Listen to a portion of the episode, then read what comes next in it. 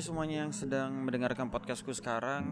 Aku mau ucapin terima kasih buat kesediaan waktunya untuk beberapa menit ke depan ya. Dan aku bertujuan untuk membuat podcast ini Untuk ninggalin jejak isi pikiranku sih Selagi masih ada. Dan juga buat berbagi pengalaman pribadi yang pernah aku alamin pastinya.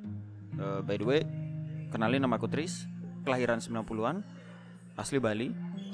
Dan kenapa namanya podcast muka kotak karena muka kotak itu sendiri adalah ejekan waktu aku masih kecil dulu sih. Dan juga sebagai terapi proses uh, fase penerimaan diri. For your information I used to hate that level.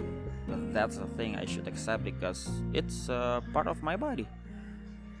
I never even wanted to and it kind of looks ugly at least for me.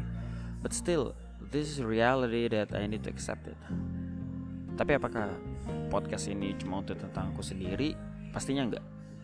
Aku sendiri sebenarnya senang kok untuk mendengarkan pengalaman orang lain, apalagi bisa ngerasain perspektif dari kalian sendiri. So, kalau kalian ingin cerita dan kisah kalian ingin dibagikan, tinggal kontak aja.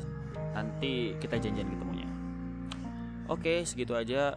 Makasih kembali dan bye bye.